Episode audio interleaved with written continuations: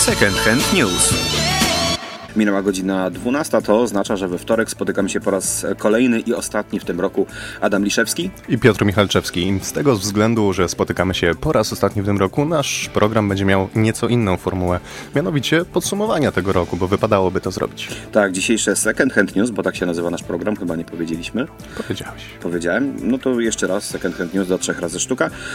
To będzie podsumowanie najważniejszych wydarzeń mijającego roku, zarówno w Polsce, jak i za granicą, ale nie możemy pominąć wręcz E, sytuacji, która się dzieje zarówno w Polsce, jak i w Berlinie. Dlatego zaczynamy program. A program zaczynamy od mediów publicznych i zestawienia z Polski, bo od Polski zaczniemy. Tematy tygodnia będą dzisiaj na końcu. Tak. E, media publiczne to jest to, co właściwie ciągnie się w naszym kraju od e, początku roku i wprowadzenia tak zwanej małej ustawy medialnej. Masowe zwolnienia. Tak, tak to ona pozwoliła na zmianę dyrektorów e, głównie telewizyjnej agencji informacyjnej, bo tam, umówmy się szczerze, tam jest rozgrywana cała polityka medialna, natomiast to, co się dzieje w technicznych częściach TVP, to już jest inna kwestia. Natomiast takie nazwisk, nazwiska jak Tadla, Kraśko, Rudnik, Tomasz i Hanna Lis, Marek Czyż, Justyna Dobrosz-Oracz, Jarosław Kulczycki, Karolina Lewicka, tych osób już w telewizji publicznej nie znajdziemy. Nie znajdziemy także szeregu innych, innych nazwisk mniej znanych, natomiast wiele osób, bo właściwie w taki sposób zosta została w tym roku zbudowana redakcja TVP Info, właściwie od nowa TVP Info, wiadomości, panoramy, e, znajdziemy dużo osób z telewizji Republika. Tak, między innymi Samuela Pereira, który do niedawna był szefem publicystyki telewizyjnej Agencji Informacyjnej, teraz e, szefem portalu TVP Info jest. Marzena Paczuska, e, o niej e, wspominałeś e, jakby. E, to ona przejęła wiadomości e, wszelakie na antenie TVP. No i taki no, mój osobisty Adam Chlebowicz, dyrektor programu Trzeciego Polskiego Radia, które jest mi bliskie. No i tam naprawdę dużo się zmieniło. Zwolnienia to jest mało powiedziane. Bardzo chciałem sprawdzić, ile osób straciło pracę. No i tak, pod koniec marca 113 ktoś naliczył. Ale w samej telewizji polskiej, czy też w polskim radiu? tak, ogólnie w mediach, mediach, publicznych. mediach publicznych. Marzec 113, maj 140, lipiec 160 to już Amerykanie tam e, wyliczali, ale ktoś zauważył, to jest jedna, dwie osoby dziennie. To jest naprawdę masowa skala zwolnień.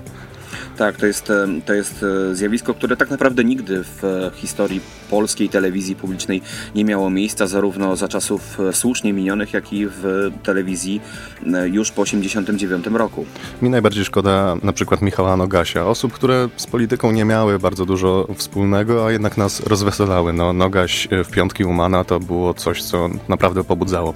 Myślę, że media publiczne powinniśmy już skończyć i określić... Jeszcze jest jeden ciekawy, jest, jest jeszcze a, jeden proszę. ciekawy wątek, otóż e, wybór Kurskiego, ponieważ Jacek Kurski został właściwie mianowany na prezesa telewizji polskiej bez większego konkursu. Następnie Rada Mediów Narodowych e, przeprowadziła konkurs, została powołana i po powołaniu stwierdziła, że Jacek Kurski musi zostać zdymisjonowany. Następnie tego samego dnia, dwie godziny później, przyszła informacja, że jednak Jacek Kurski zostaje na stanowisku prezesa TVP.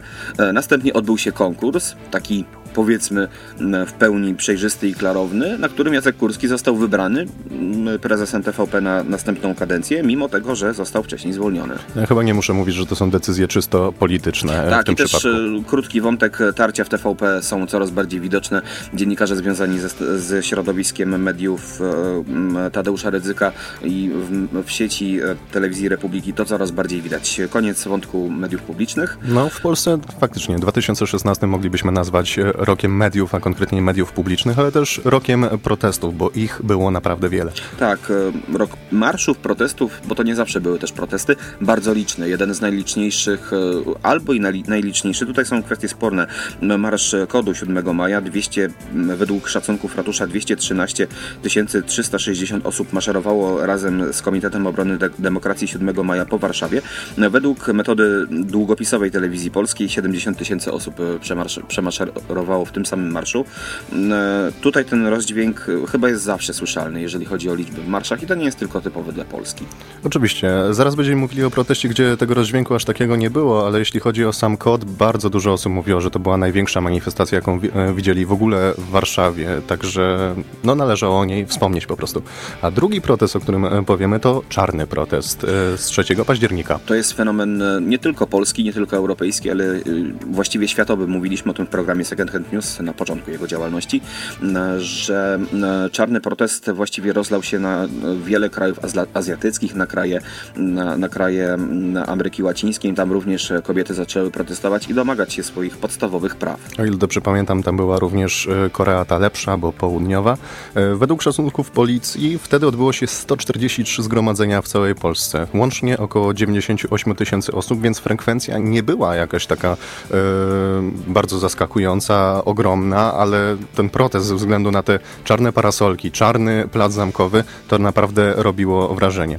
No i w Warszawie policja powiedziała, że to było 17 tysięcy, organizatorzy 20 tysięcy, a ratusz 30 tysięcy. Na no ratusz no jednak trzeba powiedzieć, co trzeba powiedzieć o tych marszach, e, czarnych marszach, to to, że to były chyba najbardziej autentyczne marsze w tym roku, bo kod zawsze wydawał mi się taką strukturą trochę stworzoną na potrzeby polityczne, e, stworzoną odgórnie. Być może ona chwyciła na dole, natomiast czarny protest to była taka typowa inicjatywa, która chwyciła od dołu, o której ja się dowiedziałem z Facebooka, z Instagrama, z Twittera od kobiet i dopiero potem zobaczyłem te tysiące, tysiące kobiet, które wychodziły na ulicę z czarnymi parasolkami bronić swoich praw. Jeśli chodzi o 2016, zgodzę się z tą. Na początku, e, w 2015, pod koniec 2015, kiedy były te pierwsze marsze kodu, no one jeszcze jakąś autentyczność w sobie miały. Teraz już coraz mniej. O tym będziemy mówili, ale to później. A teraz o sprawie, która również ciągnie się cały rok. Trybunał. Ona się ciągnie jeszcze dłużej, ponieważ dłużej. sprawa z Trybunałem Konstytucyjnym tak naprawdę zaczęła się chyba w czerwcu 2015 roku, kiedy to Platforma Obywatelska wybrała nie dwóch, a trzech e, sędziów, powołała trzech sędziów mm, Trybunału Konstytucyjnego. E, Według Prawa i Sprawiedliwości, według potem samego, samego Trybunału Konstytucyjnego było to bezprawne, ponieważ, mm, ponieważ mm, jeden z tych sędziów został wybrany już na kadencję, na ósmą kadencję Sejmu, w momencie, kiedy ta ósma kadencja Sejmu już miała trwać. Natomiast pla Platforma twierdziła, że być może, jeżeli będą problemy z utworzeniem koalicji w grudniu, w, tak, w okolicach grudnia, może trochę wcześniej, mm, listopada 2015 roku, jeżeli koalicja rządowa się nie stworzy, to będzie problem z wyborem e, sędziu, sędziego Trybunału Konstytucyjnego. Do mnie jakoś to nawet trafiało, natomiast Trybunał uznał to za nieważne, no i tak się rozpoczął konflikt Tutaj do, do tutaj do określenia 8 października Platforma wybrała pięciu kolejnych e, sędziów, z czego dwóch niekonstytucyjnie. E, to, co Trybunał Konstytucyjny później, e, później ustalił. Niekonstytucyjnie to był profesor Bronisław Sitek, no i pewien aspekt z naszego swojskiego UMK, profesor Andrzej Sokala, aktualny prorektor, prawda? Tak, to są osoby, które nie orzekają, nie, nie, nie przyjęły, właściwie nie odebrano od nich przysięgi. Prezydent Andrzej Duda nie, ode, nie odebrał od nich przysięgi przysięgi i te osoby e, do Trybunału Konstytucyjnego nie zostały dopuszczone. Z kolei e, prezes Rzepliński, którego kadencja skończyła się wczoraj, nie dopuścił e, trzech sędziów wybranych przez Prawo i, Prawo i Sprawiedliwość. No i podążając jeszcze za tym, że wyroki Trybunału Konstytucyjnego nie były publikowane przez, przez rząd, no to mamy taką sytuację, że mamy właściwie pad i całkowite wyłączenie tej instytucji z jakby takich struktur, takich struktur demokratycznych trójpodziału władzy. No i to ma się jeszcze teraz pogorszyć w związku z najnowszą ustawą, którą ma podpisać prezydent Andrzej Duda. Ja nie wiem, czy nawet nie podpisał jej wczoraj, bądź za chwilę jej nie podpisze, bo to miało się stać e, lada moment. Według niej e, ci wybrani e, konstytucyjnie, a nie zaprzysiężeni sędziowie mają pójść... Adwocent prezydent Andrzej Duda w nocy to podpisał. Sprawdziłeś. Jesteś szy, szybszy ode mnie. w takim razie. Tak, tak, tak. E, myślę, że Trybunał Konstytucyjny jeszcze bardzo długo będzie pozostawał e, w naszej pamięci, zwłaszcza jeśli e, sędziowie wykorzystują prawo z nowej ustawy do wycofania się z Trybunału w ciągu miesiąca od wprowadzenia. No też prezes Trybunału Konstytucyjnego jest osobą powiedzmy medialną i nie pozwoli, żeby ten, żeby ten, żeby ten konflikt tak szybko wygasł i myślę, że wokół Andrzeja Rzeplińskiego jeszcze pewna mini afera się stworzy. Natomiast czwarta rzecz, którą wybraliśmy dla Was na jedną z ważniejszych najważniejszych rzeczy tego roku to jest postać. I to jest postać Mateusza Morawieckiego. E, tak, który tak naprawdę zyskał najbardziej po tym, jak Paweł Szałamacha e, jeszcze we wrześniu e, minister finansów został zdymisjonowany. Pamiętam, jak e, Ryszard Petru jeszcze tutaj na schodach naszej Łemkowskiej auli mówił, że to jest zmiana kosmetyczna. Ja się tutaj kompletnie nie zgodzę, że to była kosmetyczna zmiana, ponieważ w rękach Morawieckiego e, został wtedy, został wtedy taki minister ministra rozwoju, wicepremiera, a także ministra finansów. To jest osoba, która właściwie no, kształtuje tę politykę, bo to jest polityka wydawania pieniędzy. Też mm, to akurat pytanie do ciebie. Czy widzisz taki, taką formę jakby E, nie jest dla ciebie czymś zaskakującym, że Kornel Morawiecki, Mateusz Morawiecki, te postacie jakby wzięły wzięły się, no może nie znikąd, ale bardzo szybko przebiły się do tego głównego nurtu polityki, a w Prawie i Sprawiedliwości mm, to jest dość dziwne. Zostać wicepremierem, właściwie drugą osobą w rządzie, osobą, która ma pod swoją ręką całe finanse, finanse całego państwa i całą strategię rozwoju, a Mateusz Morawiecki nie jest znanym wieloletnim politykiem, działaczem Prawa i Sprawiedliwości E, mówi się o partii Prawo i Sprawiedliwość, że osoba, którą nią, która nią zarządza, Jarosław Kaczyński, e, chwali sobie osoby, które są długo lojalne wobec niej, natomiast Mateusz Morawiecki, no tego nie możemy o nim powiedzieć, ponieważ e, czegoś takiego nie mogliśmy, nie możemy sprawdzić tak naprawdę. Mateusz Morawiecki w Prawie i Sprawiedliwości jest dość krótko. Nie widzisz tutaj czegoś dziwnego? Może i jest to dziwne, ale powiem ci tak, no Mateusza Morawieckiego możemy lubić albo nie lubić, nie zgadzać się z opcją polityczną, za którą jest, ale umiejętności jednak nie możemy mu odmówić. Całkiem ciekawe te reformy wprowadza. Konstytucja dla biznesu, o tym e, mówiliśmy też, a właściwie ja sam mówiłem e, jakiś miesiąc e, temu, może mniej. Jeśli chodzi o Morawieckiego, to będziemy powoli kończyć, ale jeszcze dodam, że tym zgrzytem będzie rekordowy temp wzrostu, tempo wzrostu długu publicznego w ciągu 15 lat. To jest 60 miliardów złotych w ciągu pół roku. To... Ja myślę, że Mateusz e, Szałamacha odetchnął z wielką ulgą, jak się dowiedział, że już nie będzie musiał rozliczać tego, tych planów Mateusza Morawieckiego 500 plus mieszkanie plus e, obniżenie wieku emerytalnego. To jest coś, co no tak naprawdę nasz budżet stawia pod wielkim znakiem zapytania. Kończymy część krajową, za chwilę No a jeszcze dodam, że przynajmniej nam się deflacja obniży obniżyła. A teraz Creedence Clearwater, Revival i Fortunate Son. A potem wracamy za granicą.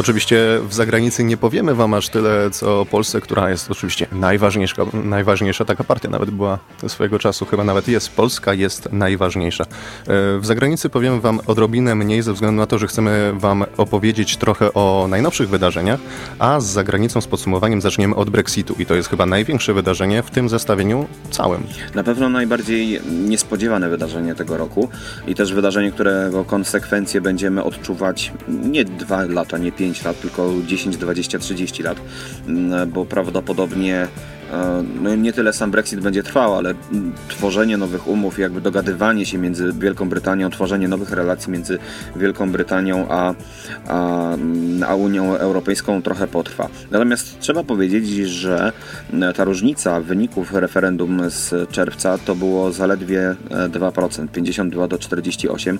To jest e, tak naprawdę sygnał, że samo, samo, sami Brytyjczycy są bardzo podzieleni i nie tylko podział Unii Europejskiej, czyli odejście Wielkiej Brytanii jest już czymś właściwie realnym, natomiast pod znakiem zapytania też stoi jakby trwałość tej Unii, jaką jest sama Wielka Brytania.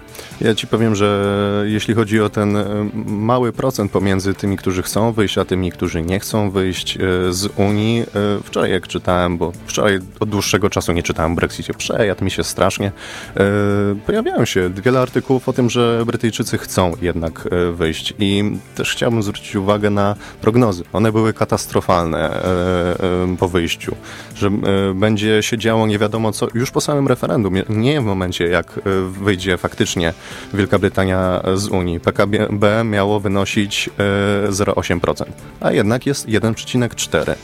Co prawda... No też doszło do, takiego zracjonalizowania tego dyskursu na temat Brexitu, ponieważ po samym Brexicie i to, że się go nie spodziewano, e, to było dla Wielkiej Brytanii takim e, szokiem dyskusyjnym, tak? Brytyjczycy masowo wyszli na ulicę, zaczęli protestować przeciwko czemuś, właściwie za czym głosowali. Mm, e, no i trzeba powiedzieć, że nadal Brytyjczycy nie, złoży, nie złożyli wniosku, słynnego wniosku do Unii Europejskiej o wystąpienie z, z szeregów mm, tej organizacji. Ja chciałbym jeszcze zwrócić uwagę na to, co wzrosło po tym referendum, a wzrosła liczba przestępstw na tle narodowościowym i rasowym. I to mnie tak, bardzo niepokoi. w kontekście Polski jest to istotne, ponieważ jedna osoba zginęła w, w tym roku, w mijającym już roku, właśnie ze względu na, na, na, tego typu nastroje, które się w Wielkiej Brytanii wytworzyły. One zawsze gdzieś były, to gdzieś zawsze re rezonowało, że Brytyjczycy mieli problem z tym, że tak dużo osób do nich przypłynęło, natomiast no, przyszły e, realne skutki tego. Ale to referendum było takim pistoletem startowym właściwie, tym co spuściło e, psy i poszły na Polaków, na innych e, cudzoziemców. To jest e, przerażające. Przerażające chyba jeszcze bardziej będzie, jak faktycznie Unia, z Unii Wielka Brytania wyjdzie. Wspominałeś też o tym, że jeszcze Wielka Brytania nie będzie wychodziła z Unii, a przynajmniej do mm, początku 2017, bo wtedy Sąd Najwyższy ma zdecydować, czy obie izby nie muszą zagłosować, żeby mm. w ogóle tę procedurę rozpocząć. Ona się opiera na artykule 50 Traktatu Lizbońskiego. E, no i tak, najpierw e, styczeń, na początku e, roku 2017 o tym będzie decyzja i Theresa May, obecny premier Wielkiej Brytanii, zapowiada, że ta procedura wystartuje na początku marca 2017. Natomiast fajny wątek jest także z londyńskim City, ponieważ to jest taka trochę nieformalna biznesowa stolica Europy. E, i ona będzie musiała się gdzieś przenieść. I tutaj, gdybyśmy szacunkowo mieli bardzo rozsądny rząd, który by chętnie inwestował w to, żeby w Warszawie były większe, fajniejsze warunki do biznesu, to myślę, że to by stwarzało wielką szansę tak, także dla Polski, żeby stworzyć taki przyczółek, e, takie miejsce, gdzie, gdzie biznesmeni chętnie by się osadzili po tym, po tym sztormie związanym z Wielką Brytanią. Natomiast jeżeli wody polskie też są niespokojne, to, to akurat nie mamy tutaj co marzyć. No, ja nie wiem, gdzie to się przeniesie, bo teraz spokojnie to nie jest nigdzie. A niespokojnie też jest y, w Ameryce, bo te protesty związane z wyborem Donalda Trumpa wciąż trwają i o tym też chcielibyśmy powiedzieć, bo to jest wydarzenie ogromnej ranki. Tak, to, to chyba jest w ogóle wydarzenie roku, zresztą The Times, y, słynna okładka roku, słynna osoba roku to jest właśnie Donald Trump. Natomiast chyba takim też najciekawszym e, wątkiem tego jest to, że tych wyborów prezydenckich to jest ta sytuacja, powtórzenie się sytuacji z 2000 roku, e, czyli większość osób zadecydowało, zagłosowało za Hillary Clinton, natomiast wybory wygrał Donald Trump. Mnie zaskakiwało, że Trump określał to jako landslide, czyli taka naprawdę pewna wygrana z przewagą. No, dane nie wskazują e, jednak na to. Zresztą e, też nie bez kozery e, o tym, o Trumpie dzisiaj wspominamy. Wczoraj były ostateczne takie wybory. Kolegium elektorskie oddawało swoje głosy. No i tam, ciekawa rzecz, czterech elektorów nie zagłosowało na Hillary Clinton. Jesz nie dość, że przegrała, to jeszcze jej ubyło. No, ale tam... uczcijmy, uczcijmy, uczciwie uczciwie uczcijmy, e, że zagłosowano, jedna osoba oddała głos na Berniego Sandersa. Serdecznie gratulujemy. Jedna osoba e, oczywiście oddała na jego głos, a jedna chciała, ale nie mogła. E, Trump stracił z kolei ale ta dwóch. osoba musi doskonale wiedzieć, czym są stracone marzenia. Tak. No, Musiał być najsmu, najsmutniejszy głos na, na Berniego Sandersa. no, skończmy może głos temat, na jakąś skończmy zmianę. temat Stanów Zjednoczonych. On był już tak przewałkowany w naszym programie, że tak, tak, tak, zgadzamy się. Bo są rzeczy ważne i ważniejsze, są rzeczy, które mniej cieszą, e, na przykład sytuacja w Syrii. Coś, e, co wydarzeniem roku może być tak naprawdę e, i w 2014, i 15, i 11, i 12, ponieważ wojna w Syrii trwa już szósty rok i sytuacja humanitarna, która tam jest, jest e, powiedzieć katastrofalna, to nic nie powiedzieć właściwie. Największym, największą chyba tragedią jest to, że dzieciaki, które mają 6, 7, 8 lat, 9, 10 nawet, nie pamiętają świata bez wojny. I to jakby to zarzewie, które tam jest, e, ten, e, to ogromne cierpienie tych dzieci, e, tak naprawdę jest chyba takim, takim kolcem, takim, taką krwawiącą raną dzisiejszego świata. To, co powiedziałeś przed chwilą, że one nie pamiętają świata bez wojny, to autentycznie są naprawdę mocne słowa, które do mnie trafiają. Strasznie źle się czułem tydzień temu. W momencie, jak prowadziliśmy program, no nie możemy na bieżąco sprawdzać, co się dzieje. Siły rządowe w Aleppo chodziły od domu do domu i po prostu mordowały ludzi, niezwiązanych z rebelią, cywilów. To, był, to było po prostu ordynarne sianie terroru, nic więcej. Mm, słowa stają właściwie w gardle, kiedy pomyśli się, że, że ludzie w takim miejscu muszą żyć. Muszą normalnie, a właściwie próbują normalnie funkcjonować i żyją tak od 6 lat. 10,5 miliona osób jest zmuszone teraz do ucieczki ze swoich domów. Ta ogromna migracja ludów trwa i to jak będzie się sytuacja w Syrii rozwijała z pewnością w programie Second Hand News w roku 2017. O tym usłyszycie. A teraz The Clash i I the Law.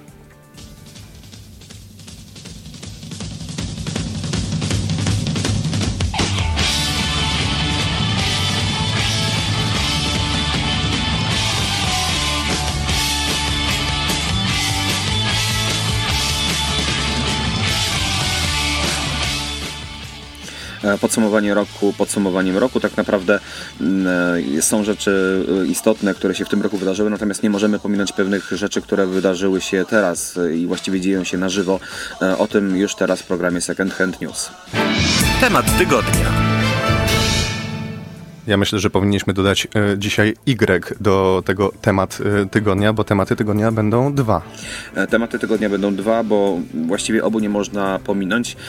Pierwszy to jest temat, który się rozpoczął w okolicach piątku. Nic na to nie wskazywało. Poza drobnymi, no właściwie widocznymi, bardzo skutecznymi, jak się potem okazało, natomiast pokojowymi, bym powiedział, protestami dziennikarzy, wiele redakcji, naprawdę ogromny, ogromny rozstrzał, jeśli chodzi o takie linie, linie e, programowe tych redakcji, które protestowały przeciwko zmianom w, zmianom w Sejmie dotyczącym właściwie możliwości relacjonowania tego, co się w Sejmie dzieje.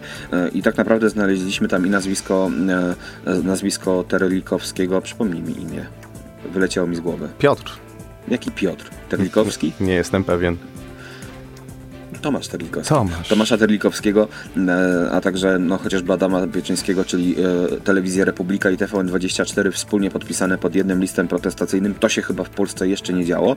No, no i ten protest trwał na antenach e, telewizji informacyjnych, w gazetach były zamazywane twarze polityków. TVN24 cały dzień pokazywało właściwie, czego byśmy nie zobaczyli, gdyby, gdyby te, te rozporządzenie weszło. Natomiast zmieniło się sporo po godzinie 15. I wtedy poseł PO Michał Szczerba został po prostu wyrzucony z sali. A za co? Za to, że miał na mównicy kartkę wolne media, bo właśnie taka dyskusja e, była wtedy w Sejmie. Marszałek potem wprowadził przerwę. A nie, po... no, dyskutowano nad budżetem.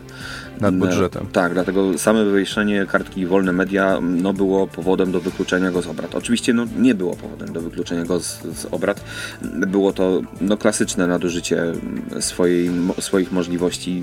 Marszałek Terlecki takie zastosował. Natomiast reakcja opozycji też była, no powiedzmy sobie szczerze, niełagodna. E, po prostu zajęto, zajęto mównicę, następnie zajęto, kiedy już marszałek opuścił, opuścił salę plenarną, również Prawo i Sprawiedliwość całe zdecydowało się opuścić, opuścić całą e, salę plenarną, to wtedy opozycja postanowiła zająć całą górę tak zwaną e, Sejmu, czyli, czyli miejsce marszałka, miejsce wicemarszałków e, oraz trybunę. I przenieśli się do sali kolumnowej, z tego co pamiętam. Tak, Jeszcze najpierw też było szukanie na gwałt kworum, po to, żeby ten budżet jednak przepchnąć. Pamiętam, tak, też trzeba powiedzieć, Suski. że to jest istotne, że ustawa budżetowa zawsze jest uchwalana na ostatnim posiedzeniu Sejmu i ona musi być uchwalona. Jak się tego nie uchwali, to jest wielki problem w państwie. No, dlatego to było ostatnie posiedzenie Sejmu, które marszałek Terlecki chciał jak najszybciej zakończyć. No i stąd też te głosowanie takie, takie ad hoc. No i poseł Suski szukał zwolenników Kukiz 15. E, no i z tego co wiadomo, znalazł dwóch, te kworum e, się stworzyło, no i głosowali przez podniesienie ręki. Tam były naprawdę niepokojące głosy, że na sali znalazły się osoby, które wcale posłami, posłankami nie są.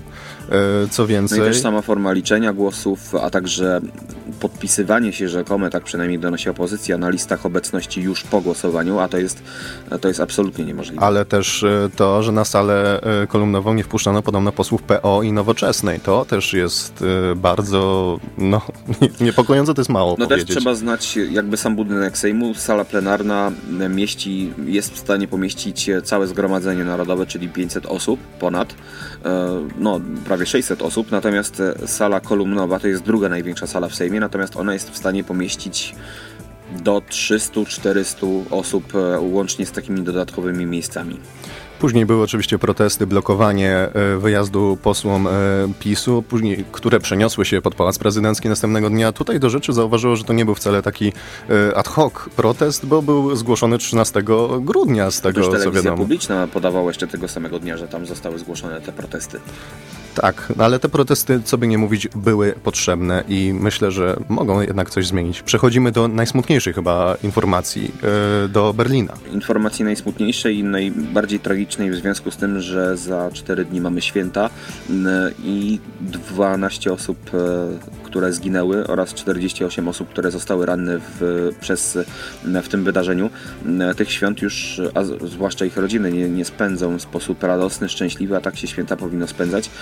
Wczoraj wieczorem ciężarówka z polskimi rejestracjami wjechała w tłum ludzi na berlińskim jarmarku przedświątecznym. Tak jak już wspomniałem, zginęło 12 osób, a 48 jest rannych. Bardzo długo czekaliśmy na to, żeby y, potwierdzić, że to nie był Polak. Nie, to nie był Polak, takie potwierdzenia doszły. Polak był w szoferce, zamordowany, zastrzelony przez, przez zamachowca. Najprawdopodobniej, y, bo tego jeszcze do końca nie, wiem, nie wiemy, Tak, uchodźcę. natomiast możemy powiedzieć już z całą pewnością, że policja i prokuratura e, sprawą zajmuje się tak, jakby, by to, jak byłby to zamach. Mm, I też wiele wskazuje na to, że, byłby to, że był to tak zwany samotny wilk. O, podu, o pobudkach tutaj za dużo mówić nie możemy. Co prawda jest to osoba e, z zagranicy, jest to imigrant, który, do który w Berlinie pojawił się jeszcze w tym roku. Mm, Natomiast nie ma żadnych dowodów na to, że był on islamskim ekstremistą. Ale trzeba powiedzieć, y, najciekawsza informacja. Według wysłannika WP Marcina Antosiewicza niemieckie służby wiedziały o tym zamachu, że jest planowany. I miał być na jednym z jarmarków bożonarodzeniowych, tylko nie wiadomo na którym. Ale taki zamach z ciężarówką, która jedzie w tłum, naprawdę trudno zablokować.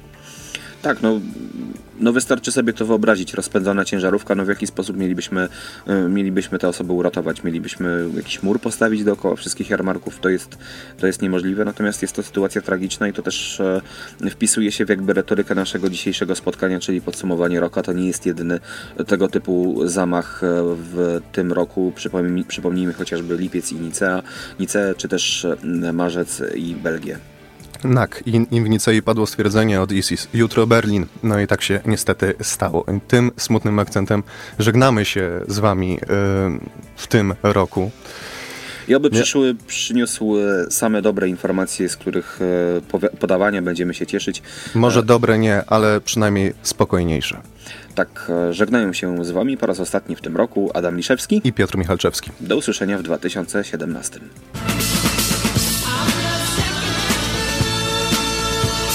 Second Hand News.